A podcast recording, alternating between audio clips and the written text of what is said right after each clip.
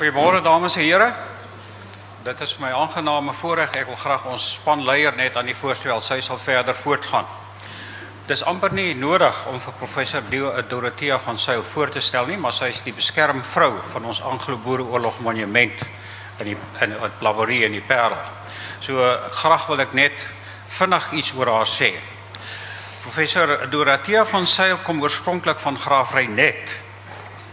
Haar MA teses het sy onder leiding van D.J. Opperman gedoen. Sy het daarna 'n doktoraal behaal aan die Rijksuniversiteit Utrecht in Nederland en 'n doktorsgraad oor oorredingsstrategieë aan die Universiteit van Suid-Afrika. Sy het talle publikasies agter haar naam. Ek gaan dit nou nie eers herhaal nie. Dit is 'n lang lys. In 2000 het sy begin met die US Woordfees wat uitgegroei het van 'n deernagfees daardie tyd met ongeveer 1000 mense na 'n groot kunstewees fees in 2013 waar meer as 1000 toeskouers was. Nou ek weet nie wat die jongste statistiek is nie, maar ek praat nou maar oor toe sy nog aan bewind was. Ehm um, erkenning vir Dorothea se werk blyk onder andere uit twee rektors toekenninge van die Universiteit van Stellenbosch, die Molteno medalje van die 3 eeue stigting en 'n FAK toekenning vir besondere kultuurprestasie. Ek oorhandig dan graag aan ons uh, leier vandag hierso, professor Dorothea van Sail.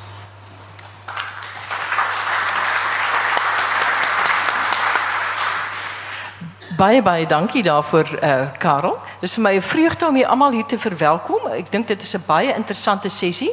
Ek wil tog net op 'n ietwat persoonlike noot begin maar niks met die woordfees te doen nie. En net sê toe ek nou destyds genader is om 'n uh, beskermvrou op te tree van hierdie monument, toe was die geskiedenis nie vir my op daardie stadium uh, prioriteit nie want ons was eintlik besig hier met nuwe geskiedenisse. Maar intussen dan raak jy geïnteresseerd in hoe jou eie pad geloop het. So was dit nou vir my baie interessant om ek is Dorothea Petronella eh, eh, ek ja sien ek struikel oor my eie name. Dorothea Petronella Labeskagni. Ek is die enigste van 5 dogters wat die familienaam het. En dit was vir my 'n sware las toe ek moet invul elke keer op vorms hier by die by die uh, uh universiteit en as almal al die deur uit dan sit ek nog met Dorothea Petronella Labeskagni, Stokenstroomstraat 94 Graafrenet dit was vir my 'n bietjie te erg so ek het dit taamlik gereedelik verruil vir van seil. Maar wat nou in die interessante ding is is dat jy dan tog jou die monument het my so ver gekry om te begin kyk na die pad. En ek sien daar is Labeskagnies by die slagtersnek wat miskien nou nie wat ek nie, nie openlik dalk so vreeslik moet adverteer nie want ek is nie seker wat hulle rol daar was nie. Daar is daar was vier Labeskagnies by Bloedrivier. Een My pa se naam is Jan Harm Labeskagni. Daar was 'n Jan Harm Labeskagni wat getroud was met 'n Dorothea Petronella Botha. Daar was 'n Dorothea Petronella Botha wat in 1841 ag eh, Dorothea Petronella Labeskagni wat gebore is in 1841. Daar's 'n Dorothea Dorothea Petronella Labeskagni dood in die kamp in Bloemfontein aan ingewandskoors en aan 'n uh, eh, longontsteking. En dan sien jy weer wat die waarde is van die geskiedenis. En daarom wil ek sommer 'n bietjie eintlik 'n advertensiebreekie inbou en sê gaan kyk na daardie monument, 'n baie baie interessante monument by Laborie uh in die Parel. Dit is die moeite werd. Uh ek wil ook sommer daarby sê ek het nou 'n bietjie persoonlik begin, maar ek wil tog ook net vra nou al as ons by vrae tyd kom. Ek hoor verskriklik graag julle eie stories na hierdie sessie maar dat ons dan net vir die sprekers vra oor die spesifieke saak waaroor dit gaan. Ehm um, nou ons het deurligtige mense vandag hier op die verhoog en die heel eerste een wat ek dan aan die woord wil stel hier is uh, professor Frans Johan Pretorius is ook uh, iemand wat jy nie eintlik hoef bekend te stel nie. Hy het waarskynlik daardie reeks verskroeide aarde uh, alreeds gesien waar wat baie belangrik is wat gebaseer is op werk van hom. Uh, wat vir my ontroerend was om vir my studente ook te speel om vir hulle ook 'n idee te gee want die studente is ook nie altyd geskiedenisbewus nie of geskiedenisbewus genoeg nie. Nou hy is 'n professor emeritus in geskiedenis aan die Universiteit van Pretoria. Hy gee daar nog klas, hy's nog studieleier vir nagraadse studente. Hy het gestudeer aan die Universiteit van Pretoria, die Universiteit van Leiden in Nisa, amper die uh, my pad het so ook dieselfde tipe pad wat uh, ek gevolg het. En hy's 'n kenner van die Anglo-Boereoorlog wat ongeveer 8 boeke al oor die Anglo-Boereoorlog die lig laat sien het. Ehm um, hy het ook verskeie baie ehm um, belangrike pryse ontvang, die Regman Landprys, die Stalsprys vir kultuurgeskiedenis, die FAK Prestigeprys, die presidentstoekenning uh, van die Rapportreierskorps, dan vir spesifiek sy kennis oor die Anglo-Boereoorlog en ehm um, sy boek en dit was ook sy proefskrif die Komando lewe tydens die Anglo-Boereoorlog 1899 tot 1902 is met verskeie toekenninge uh, bekroon en die Engelse vertaling was die naaswenner van die Sunday Times Alan Paton Award. So dit is 'n man wat al veelvuldig bekroon is en hy het ehm um, Ja, hy is voorsitter van die geskiedeniskommissie van die Suid-Afrikaanse Akademie vir Wetenskap en Kuns. Hy dien in die raad van die akademie en dan hy sê die heel belangrikste van sy van sy CV. En dit het jy nou ook nie genoem van my nie, Karel, is hy's getroud met Loret, sy's professor in rekenaarwetenskap aan Unisa en al hy sê nou moet ek dit staan vir my so 'n pragtige reeltjie. Hy sê al lyk hy al 20 jaar soos 'n oupa, sal die eer hom eers oor 2 weke te beurt val. En hy het gesê dis die belangrikste punt. Nou die eer val my op 27 Mei vir die eerste keer te beurt. So ook daar uh, deel ons iets. Maar uh, ons stel hom baie graag aan die woord want hy gaan dan praat oor die naweë van die Anglo-Boereoorlog en hy sal dan self verder sê wat is die hoofpunte van sy. Ja, ja, ek kies so. Ja, as ek as ek is ek aangeskakel. Ek is my vrou sal sê jy's nie switched on nie, maar toe maar uh Baie dankie Dorothea, dames en here. Ek sien u sit tot daar agter nou. Ek was gelukkig 13 jaar by Unisa, so ek is gewoond aan aan lang afstand onderrig. Uh so ons kyk of u daar agter dalk iets hoor. Uh ook aan die komitee uh, Dr. Karel Stander vir hierdie uh, uitnodiging. Dis fantasties om hier te wees. Dis amper 'n onwerklike seebel waarin 'n mens nou hier is. Ek praat met u oor die rebelle in die Kaapkolonie tydens die Anglo-Boereoorlog. Uh en daar sit ek nou my naam by. Joe. Ehm um, waaroor dit gaan? Gedurende die Anglo-Boereoorlog het Kaapse Afrikaners 'n houding van loyale protes teenoor die Kaapse op sowel oftewel Britse owerheid aangeneem. Oor die algemeen was hulle tussen twee vure vasgevang.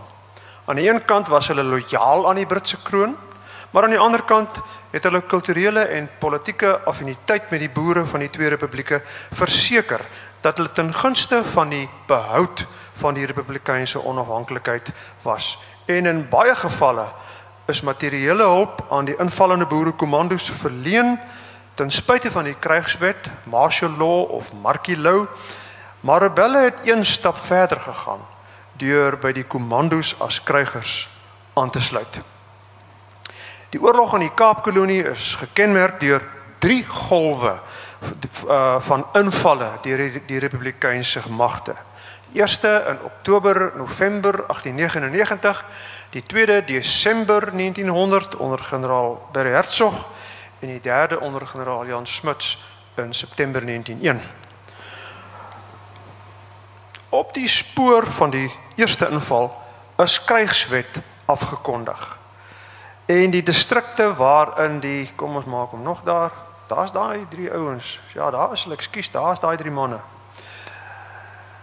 ehm um, krygswet is afgekondig. En in die distrikte waar die boerekommandos verskyn het aanvanklik ten einde lojaliteit aan die Britse kroon te verseker. Hierdie krygswet is gekanselleer toe die boeremagte in Maart 1900 oor die republikeinse grense teruggeval het en dit is weer ingestel na die tweede inval van Desember 1900. Daar sien u op 'n kaart die areas waar hierdie invalle plaasgevind het. Uh dit is uh ongeveer eintlik wil ek hierso vir uh, syfers. Ja, daar in Aliwal Noord uh ongeveer uh uh ons praat van omtrent so 10000 rebelle in die eerste geval. Daar was moontlik meer meer volgens uh David en uh, Taffy Shearing.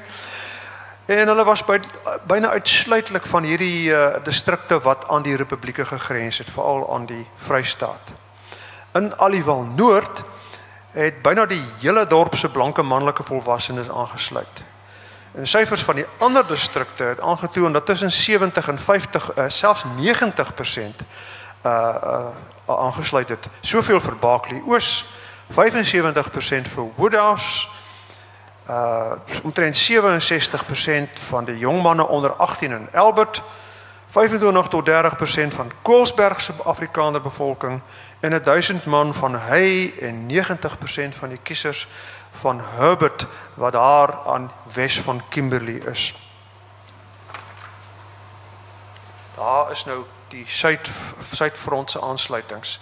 Daai ou het al van gesien, miskien uh, Louis Botha. 'n Belangrike rede vir sommige Afkaapse Afrikaners om by die boeremagte aan te sluit, was hulle ondersteuning van die boeresaak. Tog was sekere werwingsmetodes laakbaar. Nie amptelike valse gerugte van boere suksesse is versprei om die plaaslike inwoner baie dankie uh, Berus. Ah, daar kom ons, daar kry ons dit. Um die amptelike uh valse gerugte is versprei om die plaaslike inwoners oor te haal. Byvoorbeeld dat Kimberley en Lady Smith deur die boere ingeneem is en tot op die grond verwoes is of dat daar 15000 Britte in die slag van Lady Smith gesneuwel het. Dwang was 'n wreder metode, want dit wil voorkom of dit amptelik van die kant van die boere leerleiding was. Besette gebiede in die Kaapkolonie is as deel van die Vrystaatse Republiek verklaar en nuwe burgers nou skielik is dan min of meer gedwing om op komando te gaan. Die laaste meisie wat vir my gesê het jy moet druk hang agter my badkamer deur. Om in April 1900 in Aliwal Noord te weier om aan die aan te sluit het 'n boete van 27 pond 10 aan die republiek aan die republikeinse regering beteken. En die Kaapse owerhede het natuurlik streng maatreëls teenmaatreëls geneem om hierdie republikeinse proklamasies en opkommandering as ongeldig te verklaar. Die publiek is gewaarsku om nie met die boere te onderhandel nie, hoewel geen blame gelê sou word nie op diegene wat geforseer was om boerebevele uit te voer terwyl die boere die de facto in beheer van die distrik was. Kyk nou begin ek alselfs onthou. 'n Argument wat rebelle later by hulle verhore geopper het was dat die grensdistrikte nie teen die boere invalle beskerm was nie en dat die inwoners maar aan die genade van die invallers oorgelaat was. Dit het natuurlik vir sommige Kaapse Afrikaners net daardie ekstra aanmoediging gegee om by die boere aan te sluit. Krygswet is dan ook geblameer want dit het die voedselvoorrade van sommige boere in die distrikte beperk sodat hulle maar by die boerekommandos aangesluit het om hongersnood te ontsnap. Dit was hulle argument. Nou, 'n netjiese prentjie wat ons baie gevoeg het. Daar was nooit sprake van 'n georganiseerde Afrikaner rebellie nie. En weinig rebelle het die moeite gedoen om na die kommandos te gaan. Hulle het eerder aangesluit wanneer so 'n komando in die omgewing was.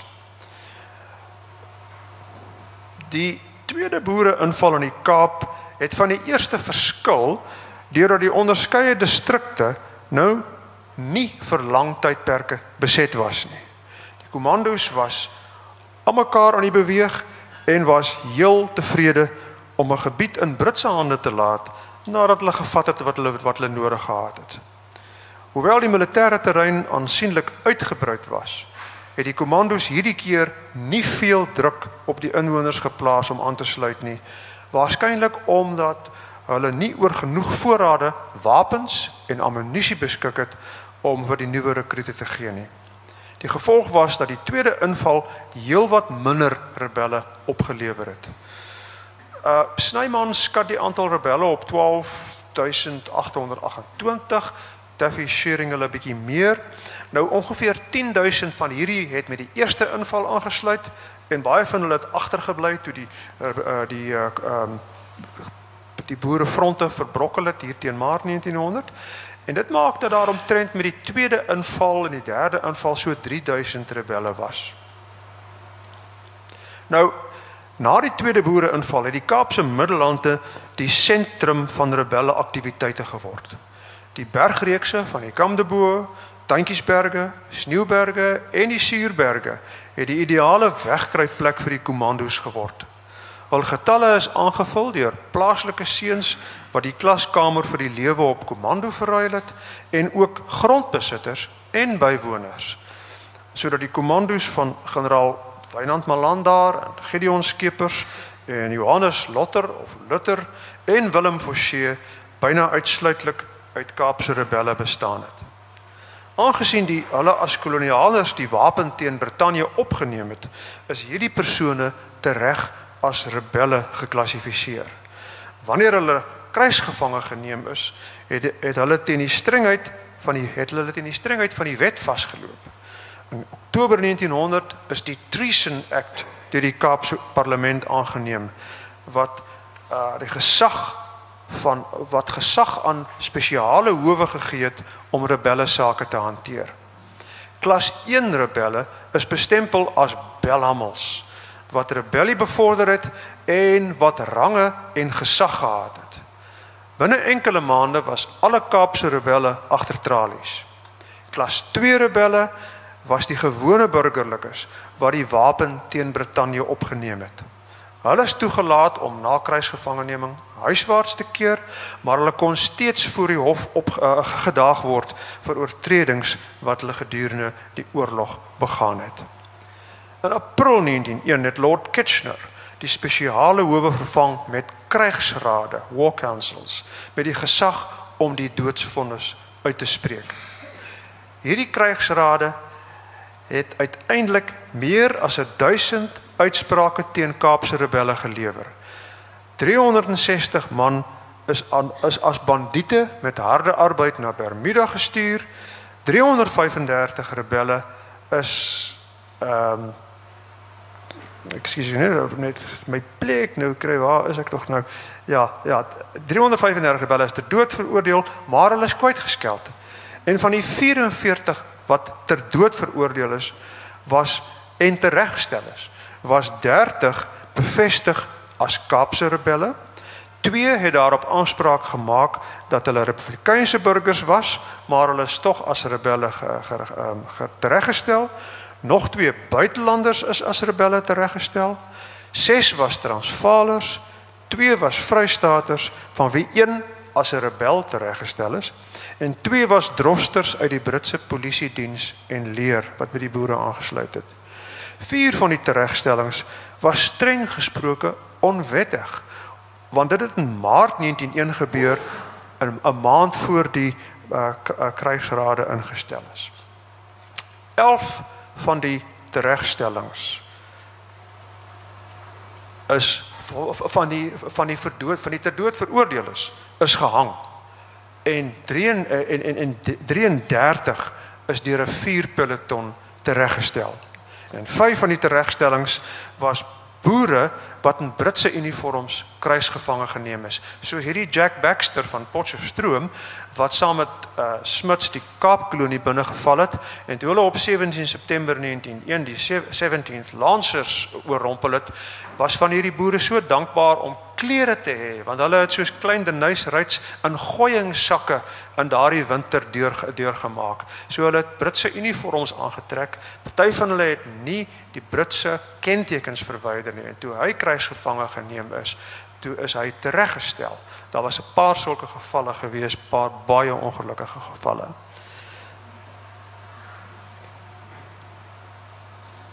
Die doodsvonnis van rebelle is uitgespreek, daar het ek nou al te ver gegaan. Die doodsvonnis is verhoogverraad, maar terminologie terminologie wat in die hof nou na vore gekom het en verskoon my Engels barbarous acts contrary to the customs of war murder attempted murder train robbery arson plunder theft and disgraceful conduct of cruel of cruel kind. So daar is dit.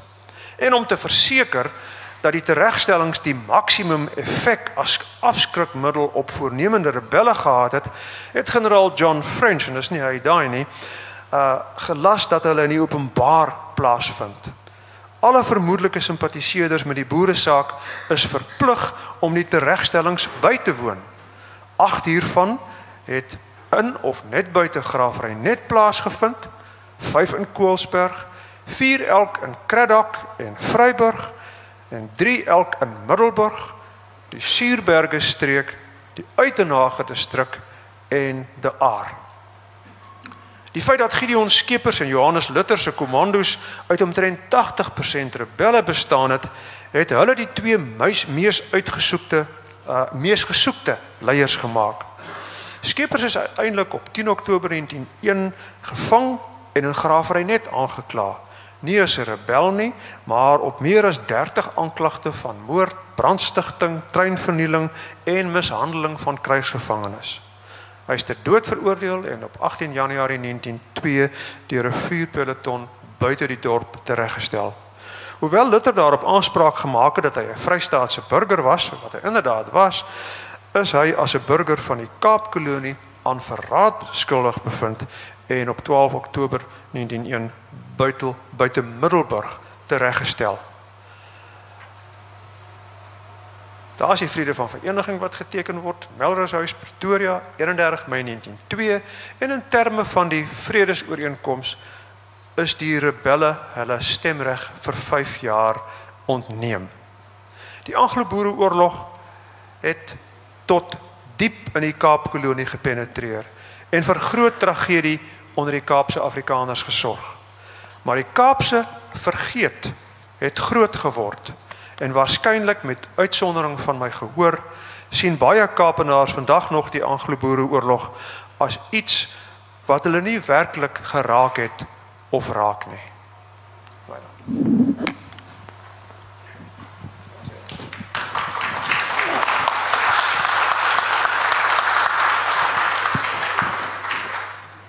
Baie dankie. Ons gaan die uh, vrae uh, u moet die vrae bære. Ons gaan die vrae saam beantwoord aan die einde van die sessie. Maar ek dink daar het al heelwat uh, vrae waarskynlik by u opgekom oor hierdie baie baie interessante uh, eerste aanset tot hierdie ons tema die nawee van die Anglo-Boereoorlog.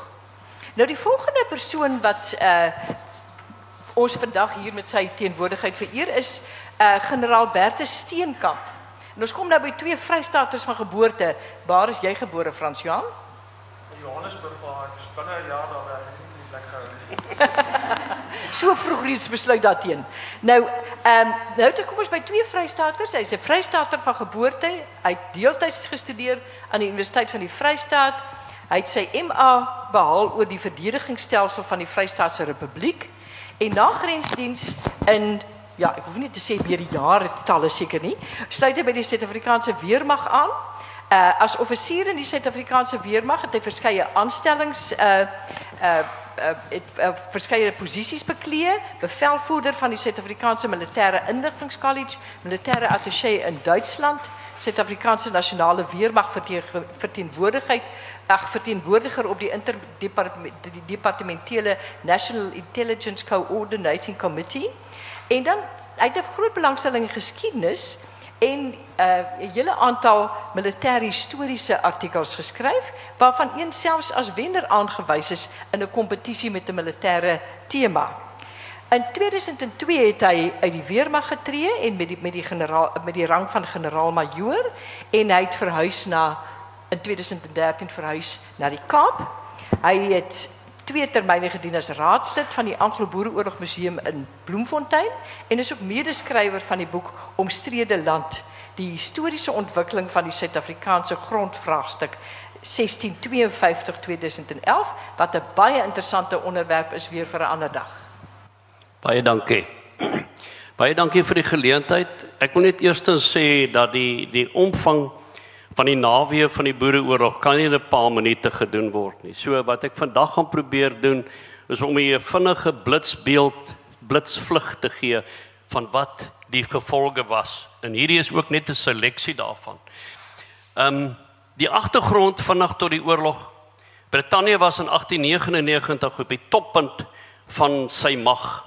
Die Britse militêre bevelvoerders het geglo dat die boereoorlog binne 3 maande verby sal wees.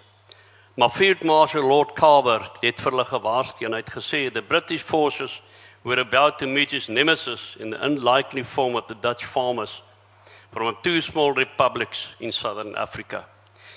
Ehm um, die magte wat hierby in die oorlog betrokke was, ehm um, was altesaam aan beide kante 'n 3 kwart miljoen mense.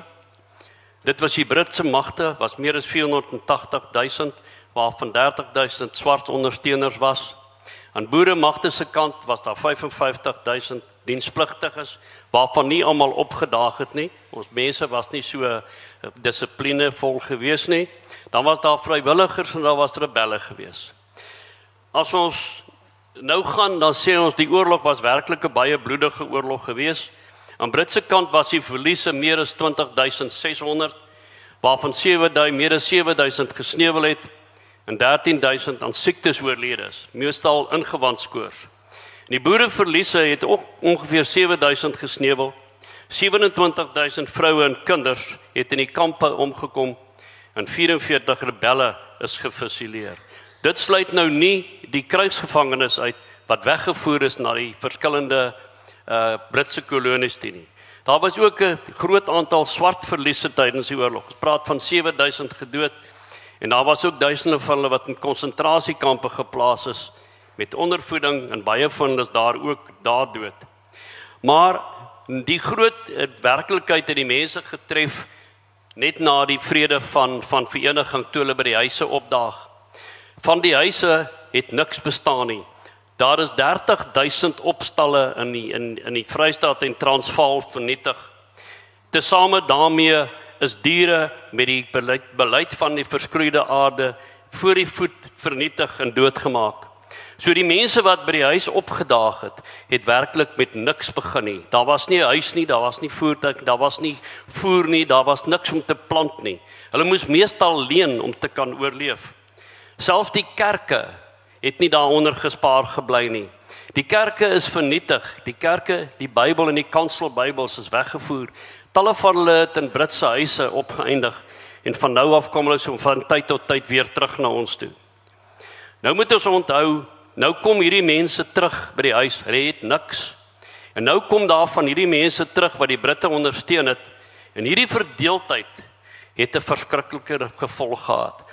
Daarom is hierdie mense wat nou by die plase teruggekom het na die oorlog 'n sekere aantal uitdagings hanteer voor hulle die pad verder kon vat.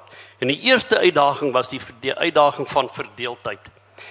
Die eerste een is die bitter einde. Die bitter einde het gevoel ek sal veg, daar ek gaan nie ophou nie. Dan is daar die kruisgevangenes wat teruggekeer het van Sint Helena. Hulle het nie geweet wie hulle by die huis gaan aantref, het 'n vrou of kinders nog oorleef nie. Britse pos was baie stadig en baie min. Ehm um, die konsentrasiekampers wat teruggekeer het, is tot 5 gesinne op een wa gelaai en dan by die huise afgelaai.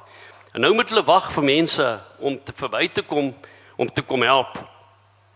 Dan is daar die groepe waarvan die die mense tereggestel is, nie net deur die Britte nie, maar ook deur die boere self. En daai familie het het ook tussen hierdie mense op die gemeenskappe gebly en dit het 'n verdere verdeeldheid veroorsaak. Hier sien ons die die Orange River Farm Farm Guards. Behalwe die Farm Guard was daar nog die Hensoppers, daar was die Joiners, daar was die Scouts wat die Britse magte aktief ondersteun het gedurende hierdie oorlog. En hulle het ook nou kom woon tussen hierdie mense. En dan natuurlik die swart deelname aan die Anglo-Boereoorlog. Ons het in die begin gesê dat 30000 by die Britse soldate aangeag by die Britse magte aangesluit het.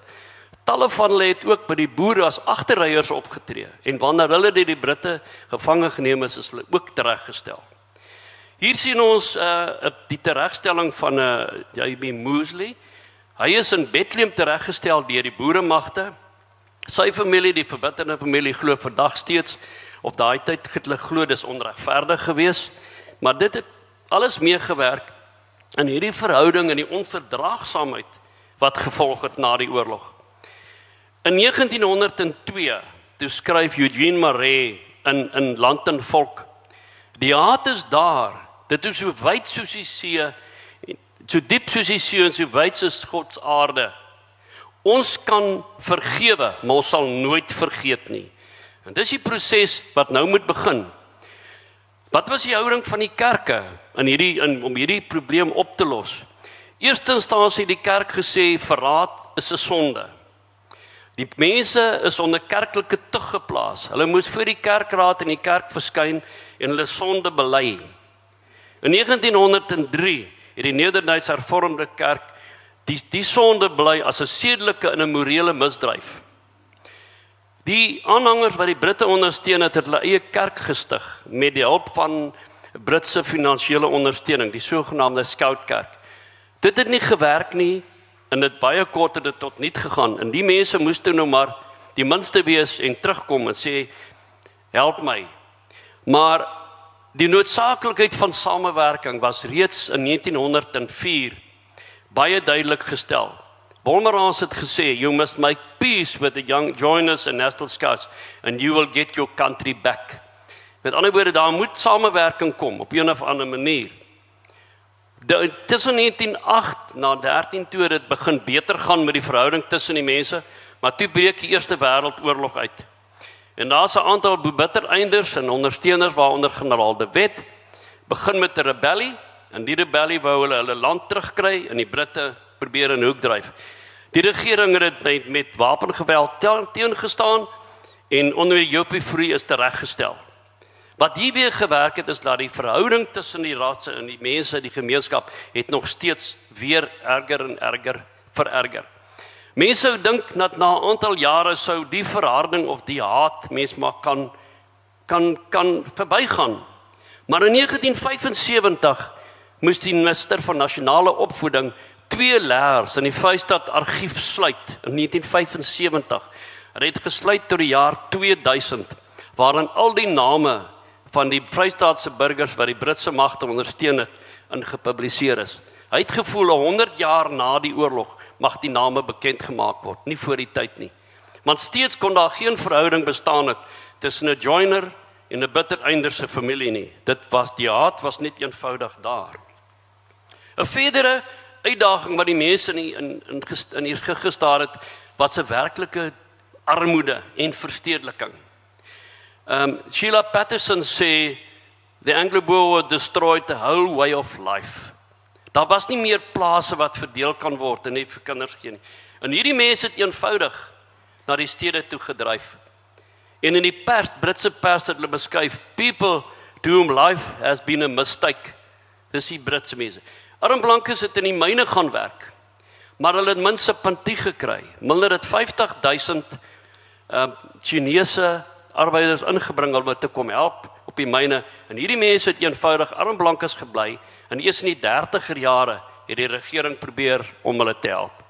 Die heropbouproses het begin nadat daar 'n besluit was dat ons moet nuut dink, ons moet verander, ons moet weer dink oor wat gebeur het. En daarom sien ons baie van die historiese en myself ook, dit was die draaipunt in die Suid-Afrikaanse geskiedenis, was die renessans in die geskiedenis. Maar in hierdie heropbou het die vrou 'n besondere rol gespeel. Um Emir Rotman beskou die armblanke vrou as sout van die aarde. Wat interessant is dat Sheila Patterson sê dat die vrou het haar buite die politieke sfeer gehou and they have shown independence from the menfolk and public issues acting, outside the explicit political realm. So het sy al het begin werk daaraan.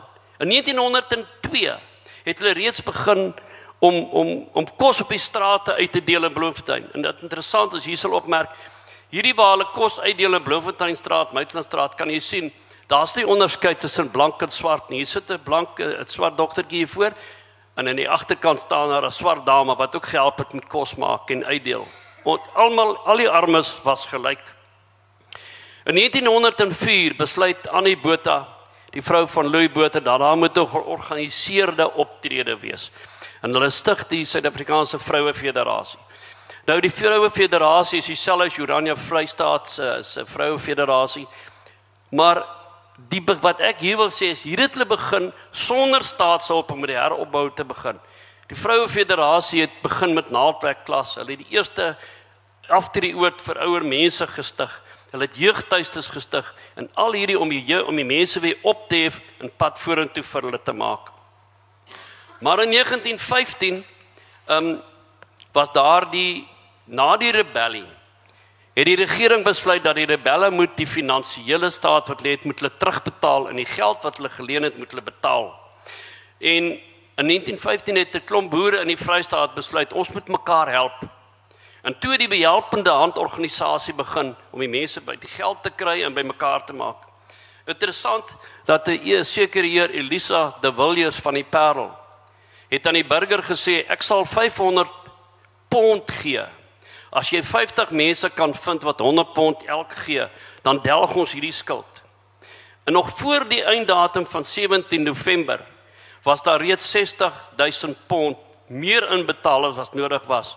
En teen die einde van 1970 was daar 180 000 pond oor.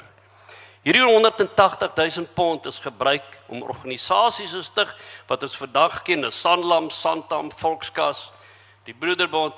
En dit was die organisasies en die stutte wat die die Afrikaner gehelp het in sy opleiding te heropbou sonder staatshulp van daai tyd.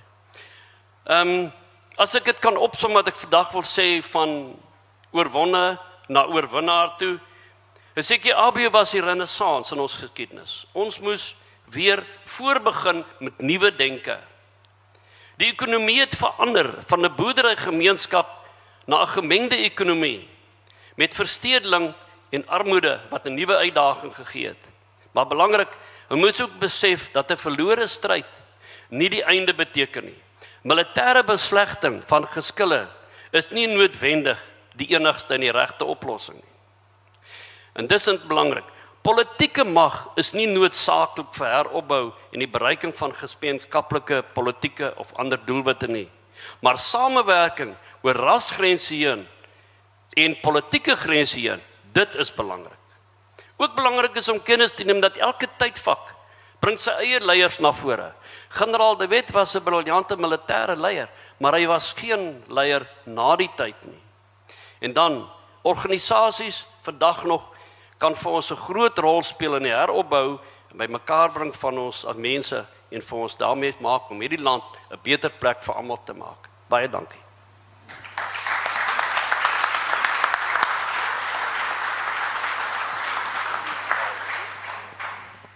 Dames en here, ons kom nou by nog 'n Vrystaater baie dankie. Dit was ook heel interessant en ek dink daar sal ook heelwat vrae uit voort uh kom. Ehm uh, ons gaan nou na uh Andries Domburg toe. Hy woon in die Parel, maar hy is ook 'n gebore Vrystaater. Hy het wel hier skool gegaan, lei die uh, uh, ja, eers lei die brand, maar toe Parel en Woester voordat hy weer aan die Vrystaatse Universiteit studeer het.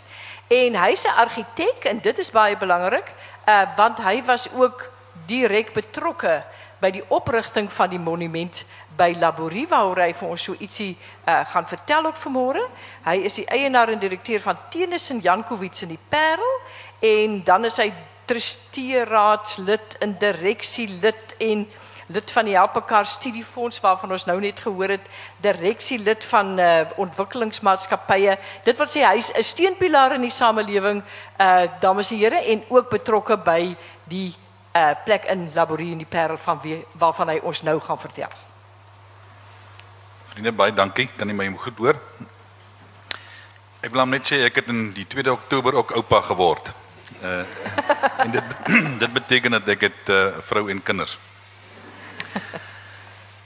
Ek het nou so 'n bietjie 'n sommetjie gemaak oor die bizarre stuk argitektuur wat homself afgespeel het hier. As daar 30000 huise en plase verwoes was. In 3 jaar. Dan beteken dit 10000 per jaar. Robweg. Dit impliseer daar moes tussen 200 en 250 huise per week afgebrand gewees het. Ons het nie 'n idee hoe dit lyk nie en wat dit kos om dit weer op te bou nie. Was dit nie 'n bizarre verhaal nie as ek net na argitektuur kyk. Vergeet vir 'n oomblik van die mense taal. Ek wil die graag vat na die Parel toe. En so 'n bietjie praat oor die simboliek wat ons by die monument probeer inbou het. As 'n stukkie herinnering, stukkie stille bepeinsing. So lyk die monument en hoe die simboliek gestalte gevind het. Aan die voet van Parelberg, reg onder die Afrikaanse taalmonument, is 'n monument enig in sy soort in die Wes-Kaap.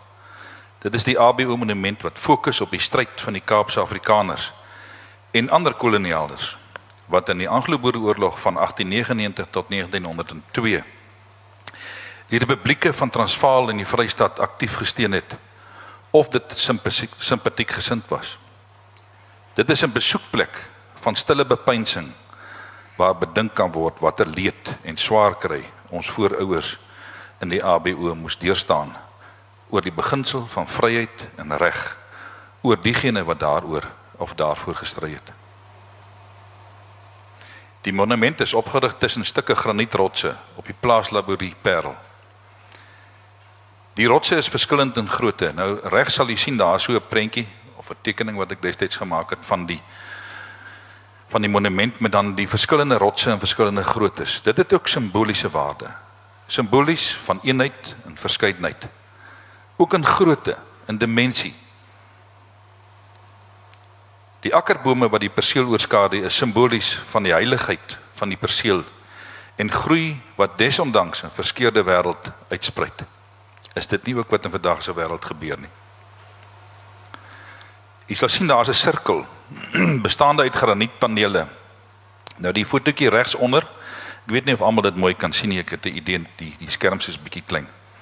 Dat dit bestaan uit verskillende soorte graniet. Uh u ken dit almal op die kombuisblaaie. Maar ook verskillend in grootte.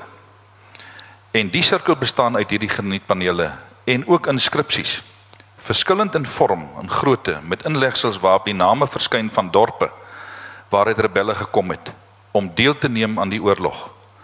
Simbolies van verskeidenheid, van deelname en kameraadskap. Dit vorm 'n eenheid. Ook die onbekende rebel word vereen in die sirkel. Ons weet daar is baie mense wat nie noodwendig aktief nie, maar onaktief en in die stilte deelgeneem het aan hierdie oorlog. Die toetrede tot hierdie sirkel, met ander woorde die oomblik wanneer jy hierdie sirkel binne betree, betree jy die wêreld van die rebel. En dit simboliseer die die rebelle sirkel.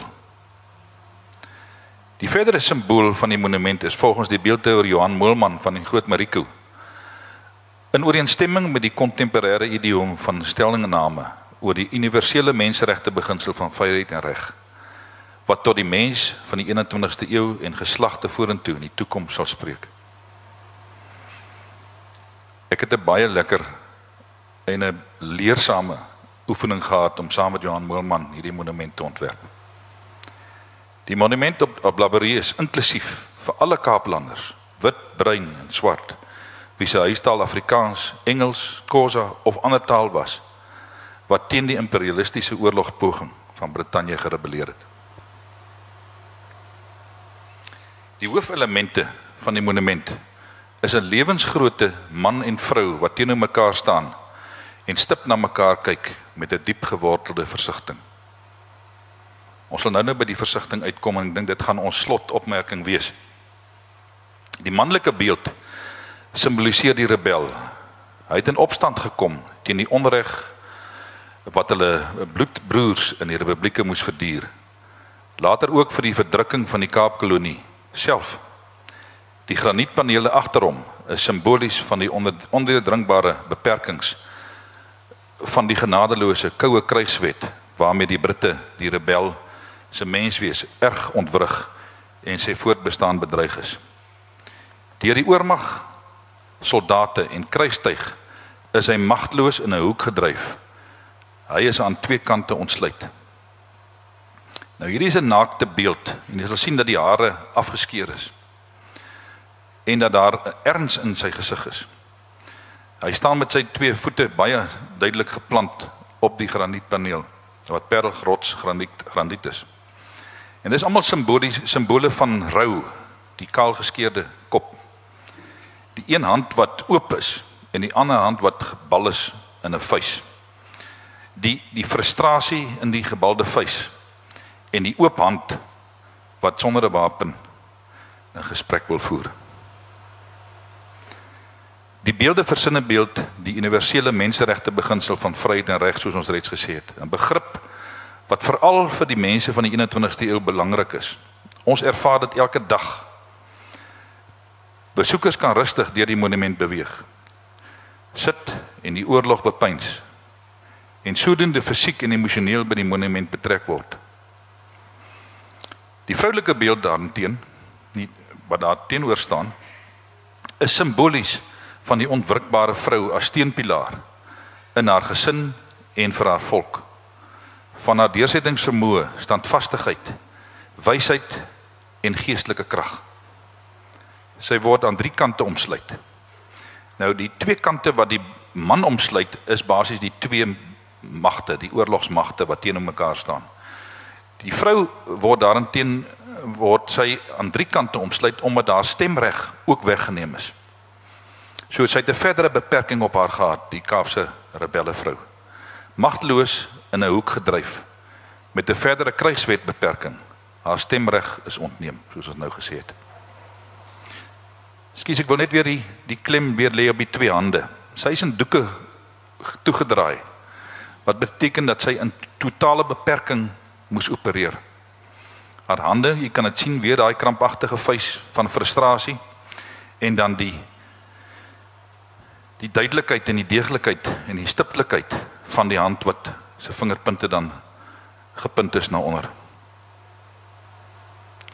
Die besoeker word deur die monument geneem met 'n voetpaadjie as 'n roete verby die ABU historiese momente. Nie monumente, momente of dan panele wat die verskillende stadia van die oorlog uitbeeld. Ter aanvang van die roete is die Maria Koopmans de Wet huldeblyk geplaas en dit is simbolies van die waardesisteem wat van toepassing was. Hierdie granietsteen by die ingang van die monument bevat die woorde van Maria Koopmans de Wet wat neergepen is op 9 Julie 1900 toe die Anglo-Boereoorlog in volle swang was. En ek lees dit graag vir u. Loyaliteit is diep in die hart van die Afrikaner grif. Dit kom omdat hy God vrees. Ons broers wat in die oorlog geval het met die Bybel in die een hand en die Mauser in die ander en die veld laat weer galm het met die psalms wat hulle gesing het. Wie kan anders as om hulle as om hulle te eer? God en die geskiedenis sal hulle geregtigheid laat geskied. Wat ons susters aangaan wat onophoudelik gebid het. Die weduwees en die wese het vir hulle land gelei en God alleen weet wat dit beteken. Daardie manne sowel as vroue en die afstammelinge van die vier Nederlanders wat met die seun van God sig vrygeveg het van die magtige Spanje en van die hugenote wat hulle aan die wêreld gewys het dat geloof krag gee om wondere te doen. Die oorlog het die ver, het die vereniging van die Afrikaner van hierdie land tot stand gebring. Vroeger het ons dit geweet dat ons broers en susters was. Maar nou voel ons dit. Daardie gevoel sal nooit uitsterf nie. Ekskuus mense. Ek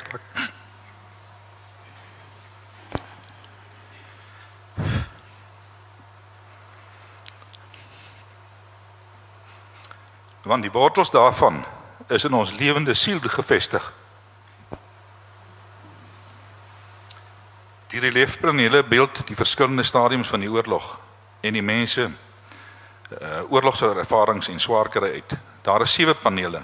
Die eerste een wat jy hier sien is die blokhuispaneel. Weens die Britse oormag word boere krygers gejag en vasgekeer. Die tweede paneel, burgerlikes word burgerlikes lei. Lewensmiddels word gekonfiskeer en verdrukking word ervaar. Die derde is die tronkvenster, aanhouding van burgerlikes skep verbittering. Mense word toegesluit. Die vierde is die rebelle wat geskiet word. 44 rebelle is in die openbaar geskiet of gehang. Die vyfde paneel is die konsentrasiekampe. Die gebrek aan lewensmiddels, lyding, sterftes en verslaanheid wat hier ontstaan het. Jy sal merk dat die daar's 'n leë kruik, 'n swart vrou wat langs aan sit, die hond wat 'n toonbeeld is van getrouheid en dan die verarming en vermaring van mense wat in die, in die rye tente na agtertoe uh, teenwoordig is. Dan die verskroeide aarde, 30000 plase afgebrand, alle vee gedood. Ontneem boere van voorrade. Interessant die die intensifisering van hierdie oorlog, die verskillende stadiums hoe dit ook elke slag weer verdiep en hoe dit al hoe erger word dit wil ons dan ook graag hier in dit beeld. Die laaste paneel is dan die Laborie Eikebos paneel en dit is waarom die monument by die by die monument by die Laborie plaas in die Parel gevestig is. Hier het vroue vergader in die Eikebos en hulle stuur 'n beswaarskrif aan die Britse koningin. Ook ander kon, koningshuise is ook uh, beïnvloed om die koningshuis van van, van Brittanje te beïnvloed om die oorlog te stop. Dis hoe dit daar op die oomblik lyk op die, uh, ons het wel 'n omheining omgesit, maar weer eens om die die vryheid wat ons daar wou gehad het, is toe nou beperk met 'n omheining. Andries, ek sien jy's baie lekker. Dit is baie baie wonderlik interessant, maar ek wonder of jy nie vir hulle wil vra of hulle self daardie monument ook 'n bietjie wil gaan bekyk nie. Ons tyd raak so bietjie kort. Klaar, hoor, Is jy klaar? Dis die laaste skyfie. Goed, hierdie roete eindig na die Eikebospaneel met 'n paar individuele graniet plaveistene wat simbolies is van die stryd om vryheid en reg wat nog nooit voltooi is nie. En dan ons ons slagspreek. Dit is waaroor die hele monument gaan om dit vir mense te sê, mag dit nooit weer gebeur nie. Ek dankie.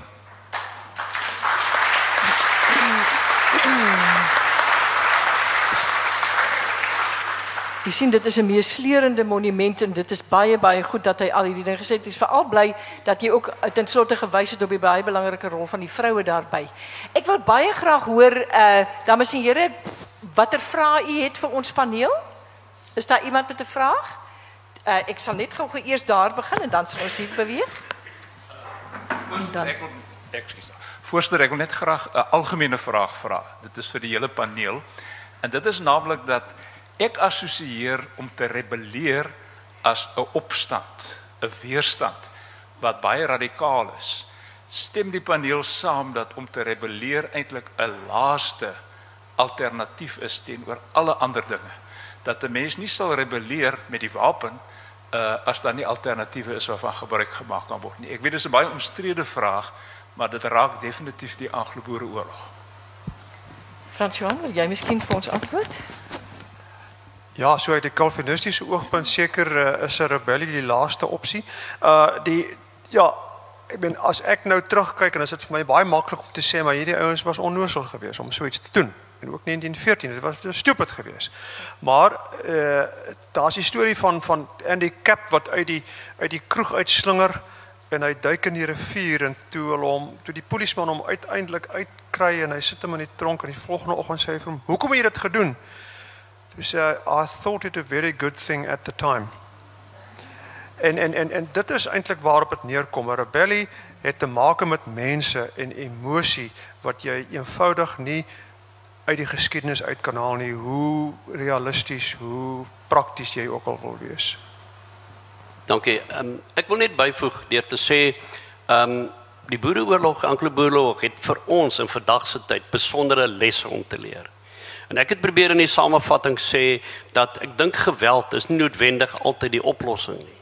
Maar samewerking oor rasgrense heen en ook samewerking oor politieke grense heen, dit kan dalk 'n oplossing wees, maar nie noodwendig die ander opsie nie. Ek sou reken dat dat om te rebelleer kan verskillende vorms aanneem. Of dit dan nou protes is of dit bloot onttrekking is en of dit fisiese verset beteken. Ek dink dit is wat Frans Johannes probeer sê het.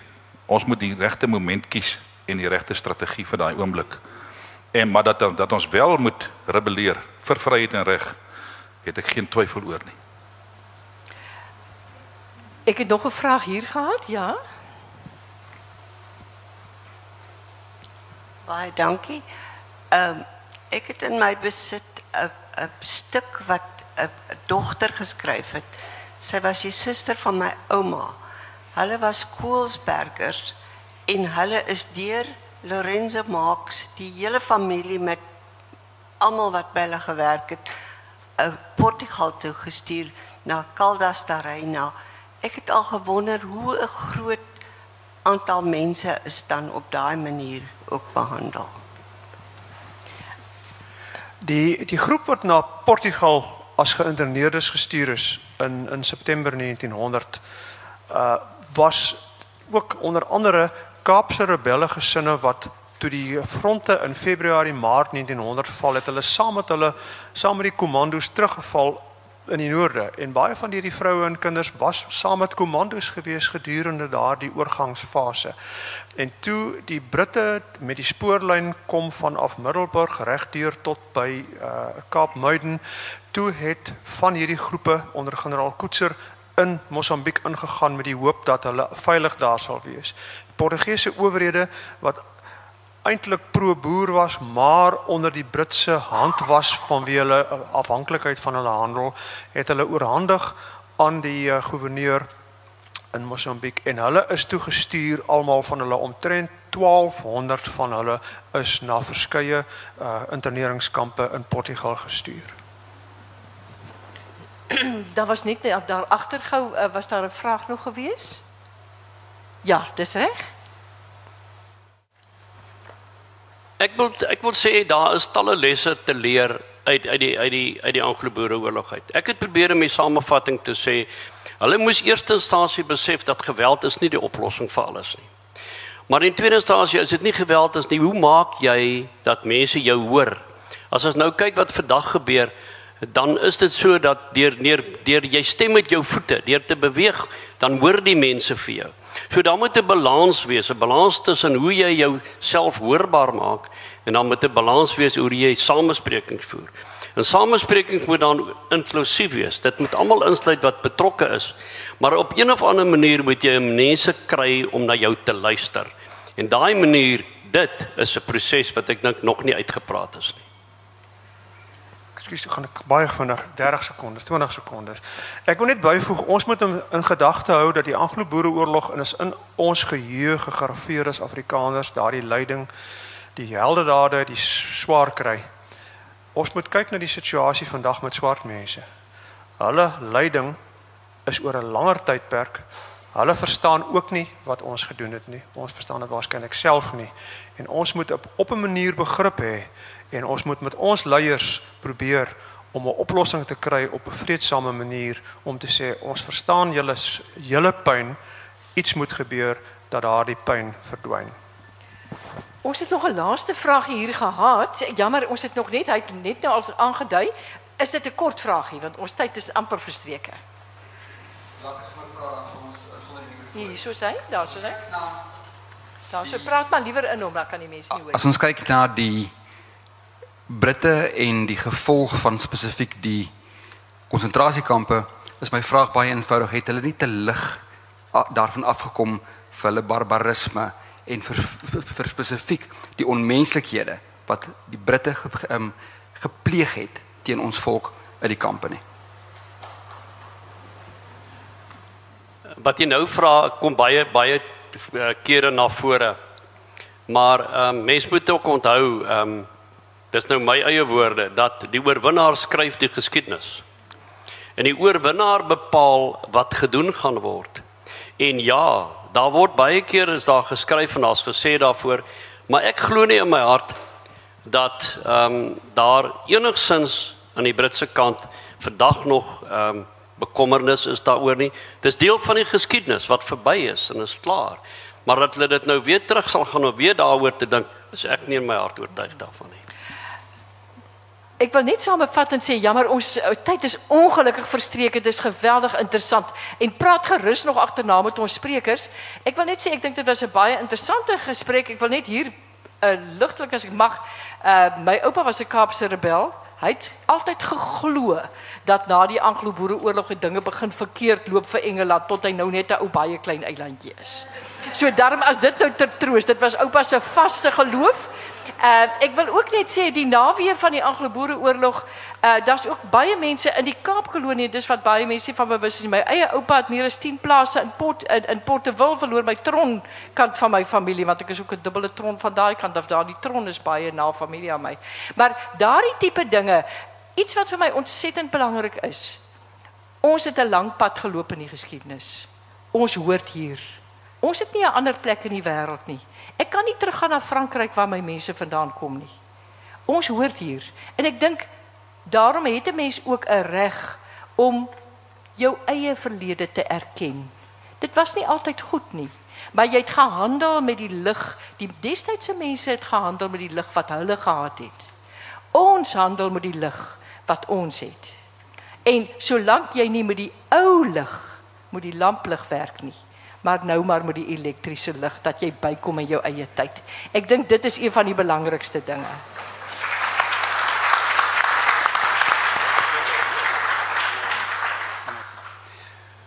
Dames en here, baie dankie eerstens vir u wat ons so goed dis die derde keer dat ons dit aanbied. Ons het vandag 'n rekord bywoning. Baie dankie dat dat u gekom het. Ek wil daarom net ook 'n regstelling maak. Uh, ek wil daarom net noem uh, professor Dorothea het nou nou gemeld. Uh, sy is getroud met 'n letterkundige professor Willem van Sail van die Universiteit van Wes-Kaapland. So ek stel dit net reg. uh baie dankie vir julle almal. Ek wil kort wees. Die sprekers professor Dorothea van Sail. Sy is ons beskermvrou en sy gee vir ons leiding. Sy het vir ons hek hier oopgemaak hier so by die woordfees. Ons sê vir haar baie dankie. Ons sê baie dankie vir pro professor Frans Johan uh Pretorius wat van Pretoria afgekom het en nou, ons soek hom al 'n tyd en ons is so bly dat hy vanjaar hier is. So baie dankie Frans Johan. Baie dankie aan generaal Steenkamp. Ons het hom toe ons hoor hy kom Kaap toe tot ons hom dadelik op die trustieraad aangestel gekry. Hy's formeel deur die meester van die Hoë Hof nou aangestel op ons trustieraad. So baie dankie ook vir jou insette en uit die aard van die saak ons argitek en ook 'n trustiraadslid uh Andries Domburg vir sy as hy hy jy kan hoor hy raak hy's werklik passief vir hierdie saak. Jy weet hy raak eintlik aangedaan oor as hy na hierdie goed praat. Nou wil ek net ons ander trustieraad Dr Bingel wat daar sit, dan hom ook net sê dankie dat hy vandag hier is. So dames en here, baie dankie en geniet die geniet die res van die fees. En natuurlik vir Karel Stander wat die besieler is van baie dinge.